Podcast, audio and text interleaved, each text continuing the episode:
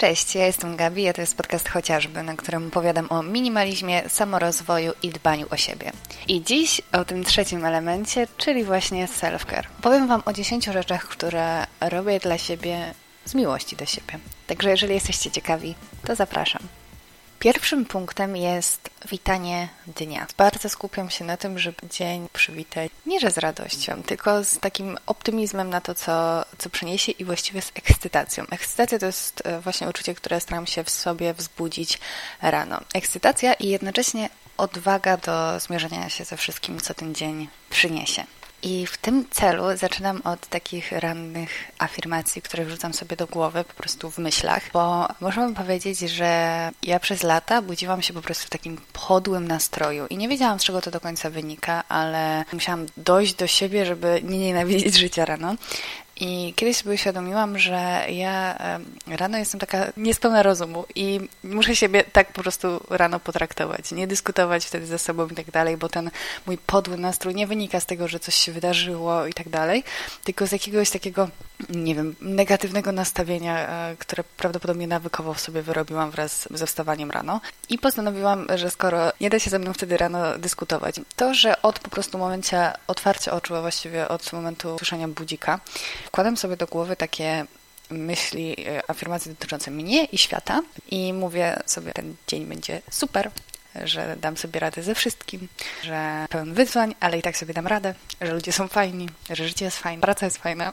I naprawdę traktuję siebie trochę jak półgłówka, ale robię to wyłącznie z miłości do siebie, bo kiedy traktowałam to ranne ja poważnie próbowałam ze sobą dyskutować, to po pierwsze bardzo często spałam na przykład do południa, dlatego że poranne ja e, najchętniej w ogóle by nie wstawało z łóżka, więc jak na przykład studiowałam i nie musiałam wstawać, wiecie, codziennie rano, jakoś wcześniej, bo mimo, że studiowałam dziennie, no to miałam różnie rozłożone te zajęcia i często miałam na przykład zajęcia dopiero na 13, więc kiedy traktowałam to poranne ja poważnie, no to zawsze ze sobą dyskutowałam, mimo że e, postanowiłam sobie na przykład, że wstanę rano, no to, to poranne ja mnie przekonywało, że jednak nie. Teraz pierwszy, do, do momentu wypicia w ogóle kawy i zjedzenia śniadania nie, nie traktuję siebie poważnie i robię wszystko traktując siebie jak takie małe, małe dziecko, któremu trzeba włożyć odpowiednio dobre myśli do głowy, żeby, było, żeby to dziecko było w stanie mm, dobrze dalej funkcjonować. I ja byłam bardzo sceptyczna do takich afirmacji, w ogóle wkładania sobie kłamstw jakieś do głowy, ale tak naprawdę to nie są kłamstwa, nie? To są jakieś przekonania na temat świata, które y, często są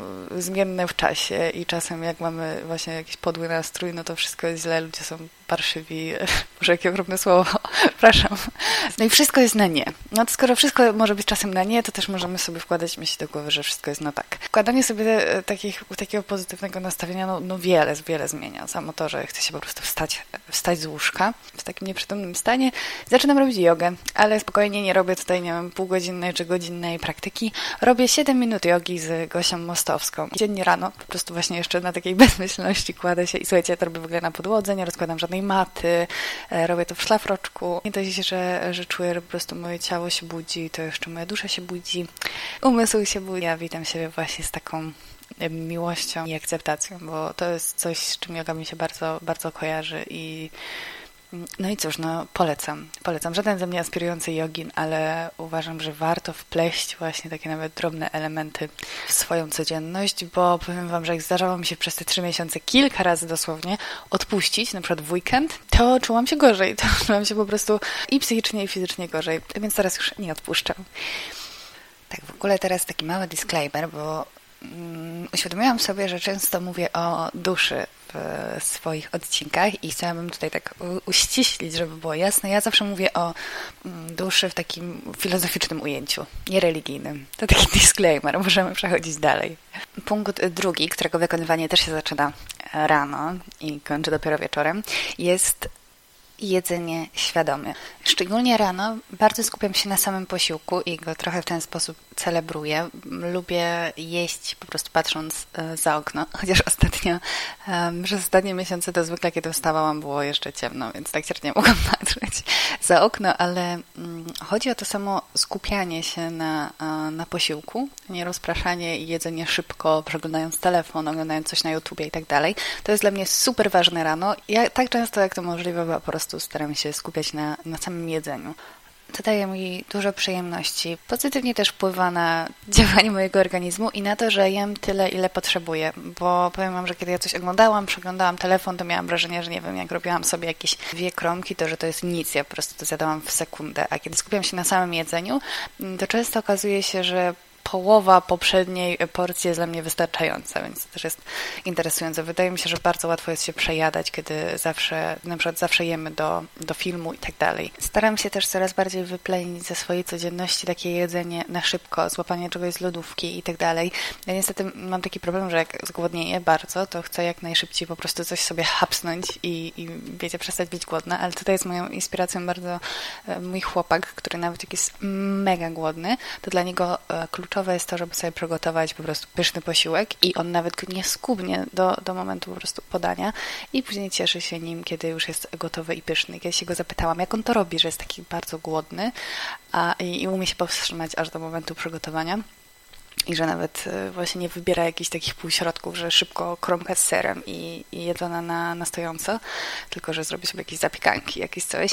I on powiedział, że wie, że po prostu będzie mu wtedy bardziej smakować. I to jest, to jest dla mnie dosyć inspirujące, także też się staram to osiągnąć, bo do tej pory mam tak, że w ciągu dnia e, zdarza mi się coś tak szybko złapać, mm, no i chcę to wyplenić właśnie ze swojej codzienności. Kolejnym elementem jedzenia świadomie jest to, że ja się odżywiam tradycyjnie, to znaczy jem produkty odzwierzęce, mięso. Lubię pizzę, lubię sery. Kiedy odkryłam, że nie muszę sobie tego odmawiać, mogę trzymać taką sylwetkę, jaką chcę, tylko po prostu ze świadomością tego, jak się rozkłada to kalorycznie i tak dalej. O tym może kiedyś nagram filmik, ale na moim blogu przeczytacie tekst o tym, jak e, schudłam ponad 10 kilo i wszystkie te zasady, które, o których tam pisałam, znaczy wszystkie te zasady, właśnie tych zasad praktycznie nie było, bo ja sobie niczego nie odmawiałam, tylko po prostu nauczyłam się świadomości, że tak powiem, kalorycznej i makroskładnikowej i tego, jak to działa na organizm w takim podstawowym stopniu. I teraz jestem rok e, po, po schudnięciu i bez problemu utrzymuję wagę, a przy tym, przy tym właśnie pozwalam sobie na wszystko, tylko w proporcjach 80-20, czyli przez 80% czasu e, staram się jeść e, zdrowo, nieprzetworzone produkty, dużo warzyw i owoców, a przez a 20% to jest taka czysta rozpusta. Także ja to bardzo często traktuję w skali dnia, że wiecie, że wszystkie posiłki były super spoko i wieczorem mam e, po prostu prawo na przykład zjeść sobie pizzę. Tylko nie zjadam całej, ale zjadam po prostu trochę mniej. To jest dla mnie bardzo zdrowe i psychicznie, i fizycznie i naprawdę mm, fajnie mi się tak funkcjonuje, ale ważne jest też dla mnie to, że kiedyś, kiedyś, kiedy kompletnie nie miałam na przykład pojęcia o makroskładnikach, to wydaje mi się, że ja byłam cały czas, nawet kiedy e, ważyłam dużo więcej niż teraz, to byłam taka nie, że niedożywiona, tylko nieodżywiona kompletnie. A teraz e, czuję, ile jest we mnie witalności i tak dalej przez samo i, i kiedy wiem, że na przykład w jakiegoś, jakimś dniu czułam się gorzej, mm, to jestem w stanie w głowie sobie szybko przeanalizować, mimo że już tego teraz nie zapisuję w żaden sposób, ale na przykład, że e, brakuje mi białka i że na przykład przez ostatnie dni praktycznie go nie było w mojej diecie i wiem, że to mogę nadrobić i zaraz się czuję znowu lepiej. No taka świadomość bardzo dużo daje. Dobra, przechodzimy dalej. Standardowo się rozgaduję. Trzecim i moim totalnie ulubionym punktem jest nic nie robienie. O tym, jak przebodźcowanie po prostu wyprało mi mózg. Napisałam tekst na blogu i też wspominałam w ostatnim odcinku, kiedy mówiłam o trzech filarach rozwoju osobistego, które zmieniły moje życie, ponieważ właśnie świadomość tego, jak bardzo narażałam się na, na przebodźcowanie kiedy ja, wiecie, w każdej możliwej sytuacji czegoś słuchałam, coś oglądałam, e, chwili na myślenie praktycznie nie było wcale, mimo że byłam bardzo dużo czasu, wiecie, sama ze sobą, to cały czas coś szło mi w tle i nie, nie byłam w ogóle świadoma tego, jak bardzo jak bardzo mój mózg jest zmęczony tym ciągłym przetwarzaniem informacji. Nawet jeżeli, wiecie, coś, coś mi gadało w tle, nawet wydawało mi się, że się na tym nie skupiam, a ja nie miałam świadomości tego, że mój mózg i tak przetwarzał te informacje, dlatego byłam tak piekielnie zmęczona każdego dnia. E, o tym więcej właśnie opowiadam w poprzednim odcinku, no i też jest wpis na blogu chociażby.pl. To jest jeden z ostatnich wpisów, także łatwo znajdziecie. Nazywa się Nie znęcaj się nad swoim mózgiem. Co właściwie robię w tym celu w ciągu dnia? Tak jak nazwałam ten punkt, po prostu nic nie robię. To znaczy, kiedy jadę tramwajem do pracy, Niczego nie słucham, nie przeglądam telefonu, niczego nie oglądam, no poza tym, co się dzieje za oknem i daję sobie czas na myślenie. Kiedy wracam z pracy, robię to samo. Kiedy idę gdzieś, e, kiedyś potrafiłam nawet, nie wiem, idąc wyrzucić śmieci, zakładać słuchawki i sobie coś puszczać. No teraz wszystkie takie sytuacje są, e, pozbawia mnie bodźców dodatkowych. I no to się też trochę wiąże z tym jedzeniem bez, bez, bez rozpraszaczy, no ale przede wszystkim chodzi o takie mm, fragmenty dnia, w którym których e, na przykład nawet na coś czekam i kiedyś czułam, że muszę jakoś to wykorzystać, a teraz po prostu to jest mój czas, który wykorzystuję na myślenie i to jest naprawdę wartościowy, wykorzystany czas. Ale o tym, tak jak powiedziałam, wspominałam już w poprzednim odcinku szerzej, więc przechodzimy dalej. Tutaj wciąż pozostając e, w temacie bodźcowania się. Punkt kolejny, już nie pamiętam, który, jest taki, że nie słucham smutnej i dołującej muzyki. Moment, w którym uświadomiłam sobie, że to, jakie ja wybieram, jakich, jakie ja wybieram piosenki, które sobie pakuję rano i w ciągu dnia do głowy, ma ogromny wpływ na moje samopoczucie, na mój nastrój tego dnia. To byłam przerażona, bo przez ostatnie 10 lat, odkąd miałam jakąś pierwszą MP3, puszczałam sobie wyłącznie smutną muzykę. Ja odnajdywałam w tym jakąś taką największą wartość, najprzyjemniej mi się tego słuchało, wpadałam w jakiś taki, w taką melancholię. Wesoła muzyka w ogóle mnie nie kręciła, nie? Ale kiedy uświadomiłam sobie, że ja potrafię mieć dobry humor, ale wsiadam rano do tramwaju i teraz już tego nie robię praktycznie wcale, ale wtedy zakładałam słuchawki, puszczałam sobie muzykę i nagle dojeżdżałam do pracy i już miałam ochotę się po prostu popłakać, bo tak bardzo zepsułam, zepsułam sobie nastrój tym, co słuchałam. E, świadomość tego, jak bardzo to na mnie wpływa, no dużo zmieniła. Nie pozwalam sobie już po prostu teraz na e, słuchanie takiej muzyki. Ja tam też napisałam tekst. Tam wspominałam nie tylko o muzyce, ale też o, o filmach i ogólnie o treściach, które które sobie dostarczałam. Ten tekst nazywa się, nazywa się zgrabnie Nie pakuj sobie gówna do głowy. I bardzo przy tym obstaję, bo aż mi trudno uwierzyć, że przez tyle lat nie zdawałam sobie sprawy z tego, że ja po prostu każdego dnia dokładam cegiełkę do swojej, tak, do chronicznego po prostu smutku i zniechęcenia wobec, wobec świata. No to bardzo dużo zmieniło. To tak jak powiedziałam, teraz już jestem na tym etapie, na którym praktycznie w ogóle nie słucham e, w takich sytuacjach muzyki, ale pewnie do tego wrócę. No teraz jestem na takim detoksie od bodźców, od nadmiarowych bodźców, ale no, zmiana po prostu upodobań muzycznych e, była trudna, bo na początku nie mogłam się przekonać, ale z czasem no, była bardzo dobrą decyzją. Trzymam się po prostu, zapieram rękami i nogami, żeby nie wrócić do tamtej muzyki, której y, słuchałam, która dawała mi jakąś taką dziwną, masochistyczną satysfakcję. Pewnie, pewnie to znacie, znacie ten temat. Także polecam Wam również nie pakować sobie po prostu syfu i smutku do głowy, bo wystarczająco dużo jest w naszym życiu, żeby jeszcze sobie pakować dodatkowe. Naprawdę. To jest bardzo niebezpieczne dla naszego zdrowia psychicznego i przekonałam się o tym niestety na własnej skórze. Piątym punktem jest medytacja e, z pewną dozą zawstydzenia, bo strasznie nie chcę, żeby ten e, odcinek był, nie chcę, żeby był taki, tak bardzo sztampowy, jak e, po prostu każdy inny, ale no co tu dużo mówić, medytacja naprawdę wiele zmienia. Medytacja stanowi dla mnie taki reset mózgu, szczególnie kiedy wracam, mm, wracam z pracy i e, ćwiczę, a później, później robię sobie medytację i taka moja sesja medytacyjna trwa czasem nawet tylko 5 minut, a zawsze przynosi pozytywny efekt. Czasem robię 20 minut, czasem robię 5 minut, w zależności od dnia, ale mm, no, wykonuję ją od kilku miesięcy i powiem Wam, że ostatnio miałam taką przerwę, chyba nie wiem, pięciodniową i odczułam tak negatywne skutki odstawienia medytacji. Często to tak jest, że nie zauważamy całego ogromu pozytywnych efektów, dlatego że, znaczy do momentu, kiedy ich nie stracimy, nagle zaczęła mi wracać bezsenność. Ja widziałam, że medytacja mi bardzo pomaga w zasypianiu, ale no, błyskawicznie po prostu pięć dni przerwy zaczęła mi wracać bezsenność, zaczęły mi wracać często dosiadłonie, stres i to brzmi jakbym po prostu odstawiała jakiś lek. E, w sensie, że to tak brzmi niebezpiecznie, jakby ta medytacja była jakaś uzależniająca, ale nie, po prostu ja mam tak z natury, że się bardzo stresuję, jestem bardzo nerwowana, nie śpię w nocy i tak dalej. No, różnie próbowałam to leczyć. No i okazuje się, że nawet to 5 minut medytacji dziennie, e, robione regularnie, stale, leczy mnie z takich rzeczy, nie? Tak, niesamowicie pozytywnie wpływa na moje życie. Chociaż no przyznam, że trochę, trochę budzi to we mnie lęk, że kiedy odstawiam medytację, to, to się rzecz, dzieją złe rzeczy. No ale wiecie, wy, wykmienić po prostu tam 5 minut w ciągu dnia, w którym nic nie robimy, no to zawsze jestem w stanie, nie? Ale wiem teraz, że, e, że to jest mus że to po prostu jest już teraz y, bardzo ważną częścią mojego życia i chcę to robić codziennie. I już kiedyś wspominałam o tym, że że tak powiem, nauczyłam się medytować dzięki serialowi e, Headspace, poradnik po medytacji, który znajdziecie na Netflixie.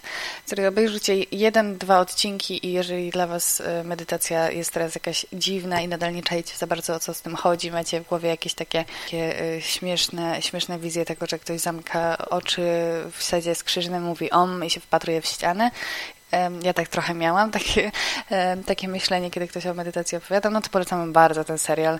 To jest taki animowany serial i jeden, dwa odcinki i zaczajcie totalnie temat. Jak wtedy spróbujecie, to myślę, że też, e, też się też zostaniecie oczarowani. Dajcie temu szansę, naprawdę warto. Szóstym punktem, który też e, bo nierozerwalnie, nierozerwalnie wiąże się z medytacją, jest oddech. Ale uczyć się świadomie oddychać zaczęłam jeszcze przed tym, jak w ogóle spróbowałam medytacji. Okazało się, że takie proste ćwiczenia oddechowe no, szalenie pozytywnie wpływają na moją codzienność, kiedy czuję, że wzbiera się we mnie albo gniew, albo lęk, albo jakiś taki e, stres przed tym, co, co ma się wydarzyć, to zawsze teraz chwytam się oddechu, chwytam się takich prostych ćwiczeń oddechowych. Mogę Wam teraz powiedzieć takie jedno, które, którego się często łapię właśnie w jakichś stresujących sytuacjach. Wtedy bardzo pomaga mi takie banalne ćwiczenie oddechowe, które polega na tym, że wdychamy powietrze nosem i przy takim już końcu, wiecie, że już prawie jest, jesteście pełni od powietrza, bierzemy jeszcze taki dodatkowy haust, też, e, też nosem, czyli tak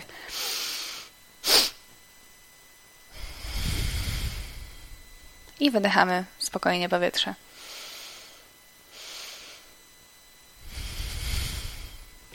Po kilku razach naprawdę człowiek się uspokaja, bo ten oddech ma tak niesamowity w ogóle wpływ na to, jak my się czujemy. Oddechem jesteśmy w stanie manipulować po prostu swoim manipulować to złe słowo brzydkie. Jesteśmy w stanie sterować swoim nastawieniem i, i swoim ogólnym samopoczuciem. Także naprawdę warto się tematem zainteresować właśnie z troski o siebie, uspo uspokajające swoje wewnętrzne dziecko. Kolejnym punktem jest aktywizacja. Nie wiedziałam, jak to nazwać. Chodzi o to, że odkąd zrozumiałam swoją własną istotę aktywności fizycznej, mm, to moja relacja z nią się zmieniła diametralnie. O tym też oczywiście pisałam tekst. Tekst się nazywa o tym, jak w końcu polubiłam aktywność fizyczną, bo moja relacja z, z, ruchem była bardzo burzliwa i raczej nigdy nie było mi z nim po drodze, mimo że chciałam, żeby było inaczej. Treningi zawsze kojarzyły mi się z takim z nudą, ze zmęczeniem i z takim okropnie przykrym obowiązkiem, który robi się po to, żeby być e, szczupłym i mieć ładne ciało i z tym mi się po prostu kojarzył, kojarzył sport. E, też miałam jakieś tam mikrotraumatyczne wspomnienia z WF-ów i tak dalej. No, bardzo byłam niechętna. Długo się zmuszałam.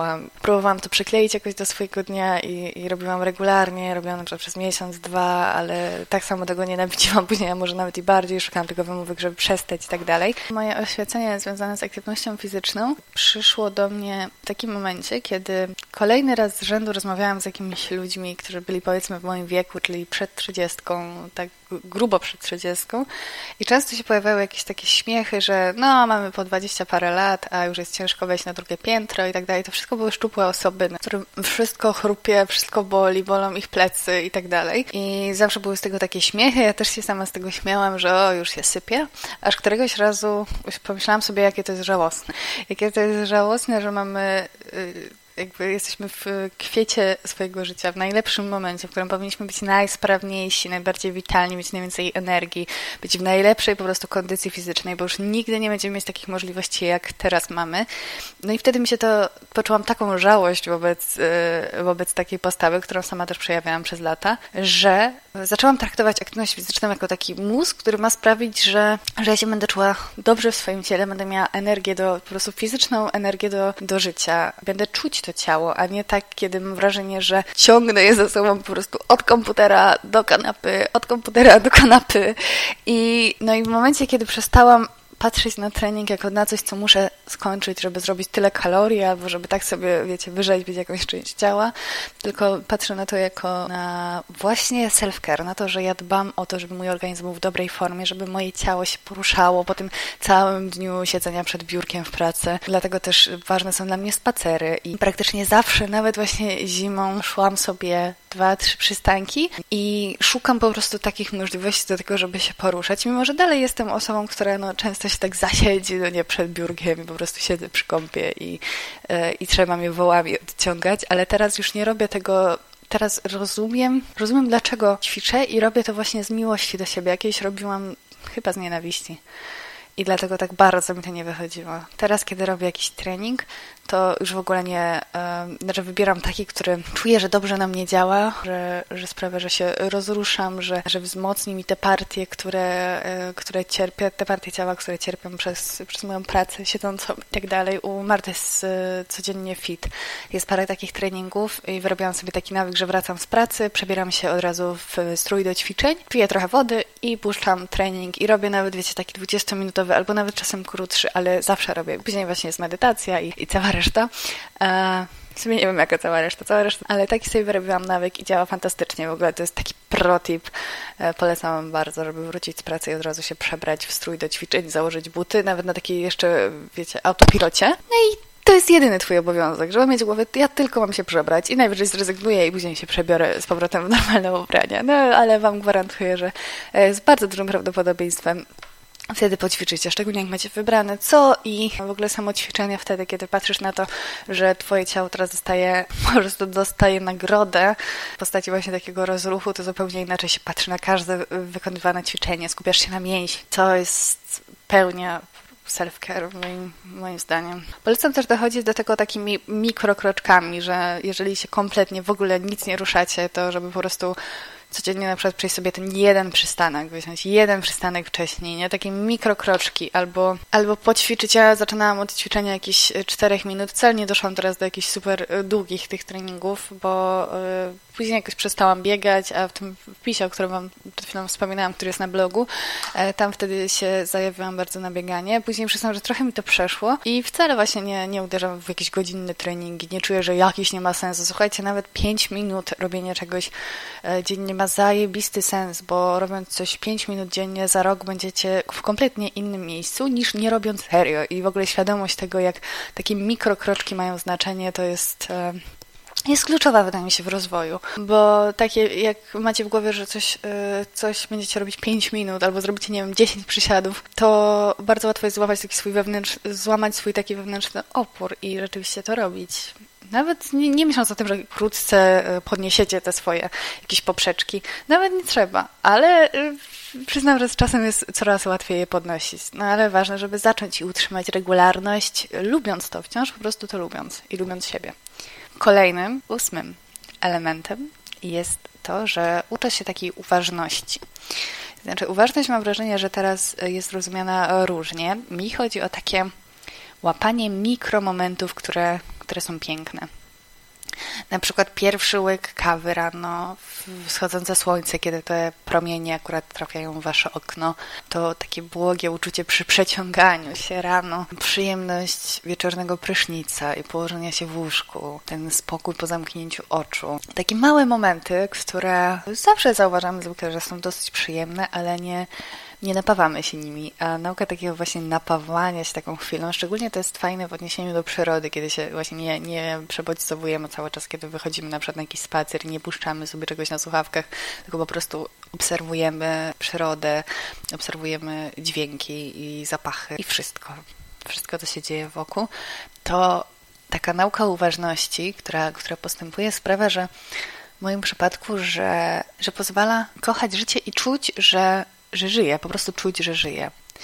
Bo kiedy jest się oderwanym od tej takiej rzeczywistości, cały czas jest się gdzie indziej, to naprawdę miałam często wrażenie takiej derealizacji i, i nie czułam, że jestem częścią w ogóle tego świata, a uważność pozwala mi to poczuć. Jeżeli chodzi o punkt dziewiąty, to on przyznam, że jest trochę tak najbardziej od czapy z tej listy, to znaczy jest taki chyba najbardziej przyziemny. Mianowicie brzmi on tak, że zabiegi kosmetyczne oddaję w ręce specjalistów. Przez lata byłam taką Zosią Samosią, że sama sobie obetnę włosy, włosy, pofarbuję, sama sobie zrobię paznokcie, sama sobie zdejmę, sama sobie wszystko po prostu chciałam robić. I były, były tego różne skutki, ale w większości przypadków poświęcałam na coś bardzo dużo energii i czasu, a nie osiągałam stuprocentowo takiego efektu, jakim chciała. I w większości z tych czynności tak naprawdę bardzo nie lubiłam. Robiłam też sobie jakąś hennę sama i często, często w kółko popełniałam jakieś te same błędy. Nie chciałam przyjąć do wiadomości, że nie umiem się czegoś e, nauczyć po prostu tak, żeby to naprawdę było porządnie zrobione. I o ile na przykład koloryzację włosów zawsze lubiłam, to e, kiedy na przykład szłam do fryzjera, to, to potrafię zrobić gorzej niż, niż bym sobie sama chciała zrobić, niż bym sobie sama zrobiła. To rzeczywiście to jest akurat taki e, mały wyjątek, ale przy, w przypadku y, strzyżenia, robienia paznokci, robienia jakiejś henny i tak dalej, ja sobie cały czas szkodziłam. Szkodziłam swojemu wizerunkowi, czasowi i po prostu y, cierpliwości swojej.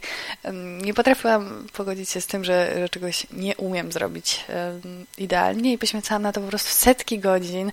E, tak było szczególnie w przypadku paznokci. Sobie mega zmasakrowałam te paznokcie, próbując robić coś, y, coś sama. W ogóle nie miałam do tego tak naprawdę cierpliwości. Marnowałam tylko swój czas, a czułam, że ja tak bardzo dużo oszczędzam na tym pieniędzy.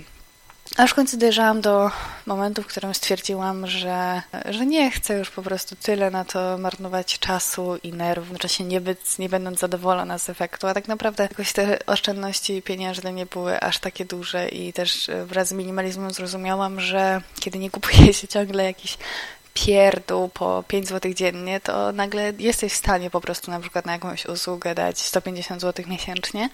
Mimo, że na początku kieszeń mnie bardzo bolała, bo czułam, że to są takie wielkie pieniądze, że mnie na coś takiego nie stać, ale jak zaczęłam myśleć o tym, że kiedy na przykład paliłam fajki, to wydawałam na przykład 600 zł miesięcznie na papierosy. Kiedy chodziłam na lumpeksy, ciągle kupowałam jakiś ciuch i powiedzmy wydawałam, e, nie wiem, z 200-300 zł miesięcznie na to, no to sobie uświadomiłam, e, że po prostu nie stać. I komfort, jaki dało mi to, że w końcu mam coś zrobione poprawnie i nie tracąc na przykład, nie wiem, dnia całego, tak jak miałam w przypadku przedłużania paznokci, przedłużania paznokci tylko idę na dwie godziny i czuję się zaopiekowana i tak dalej, no to, że to po prostu jest tego warte, nie? I to jest warte tego, żeby nie zmarnować całej soboty, całego wolnego dnia na coś takiego. Także to jest taki a, trochę wyjątkowy punkt na tej liście, ale długo mi zaczęło, zajęło dojrzenie do tego i naprawdę miałam mnóstwo różnych wpadek, bo oczywiście też profesjonaliści są różni, nie każdy zrobi zawsze idealnie tak jak chce, ale, ale nabrałam trochę szacunku do, do różnych profesji i że nie wszystko jest na stanie zrobić sama dobrze i że czasem mogę sobie tylko zaszkodzić, więc już tego nie robię. I ostatnim punktem na liście, który jest najbardziej grubym punktem e, w opozycji do też tego poprzedniego, jest to, że pozwalam sobie na zrywanie, nieutrzymywanie relacji, które, które mi nie służą i trwają z poczucia obowiązku albo e, z jakiegoś takiego przyzwyczajenia. Ja miałam bardzo dużo w swoim życiu znajomości z braku laku, które koniec końców powodowały, powodowały mnie tylko frustrację, wyciągały ze mnie najgorsze cechy i nie wiedzieć czemu, znaczy w sumie trochę wiem czemu utrzymywałam takie relacje, bo za czasów szkolnych i, i trochę późniejszych też to po prostu wypadało mieć kogoś, no nie, z kim by się trzymać i tak nawet z takich pragmatycznych względów. No i dużo się też o tym mówi, że znajomości są najważniejsze, trzeba utrzymywać znajomości i tak dalej. A ja uświadomiłam, że, że pozwolę sobie na to, żeby tego nie robić. I no, wiele mostów spaliłam. Znaczy tak powolutku, stopniowo. I przestałam mieć wyrzuty sumienia. Odkąd pełni pozwalam sobie na nieutrzymywanie relacji, które mi nie służą, czuję się dużo bardziej wolnym człowiekiem. I robię to z miłości do siebie w pełni. Okej, okay, dobrnęliśmy do końca. To było właśnie 10 rzeczy, które robię z miłości do siebie. Robię ich trochę więcej, ale to były na pewno najistotniejsze i, i najbardziej wpłynęły pozytywnie na moją relację ze samą sobą. I cóż, tutaj będziemy kończyć. Mam nadzieję, że może udało mi się Was jakoś zainspirować, bo taki w sumie był cel tego odcinka. Jeżeli tak, to super. Jeżeli nie, to będę próbować dalej. Dzięki za słuchanie i zapraszam Was też na mojego bloga chociażby.pl. I cóż, to by było dzisiaj na tyle. Trzymajcie się ciepło. Pa!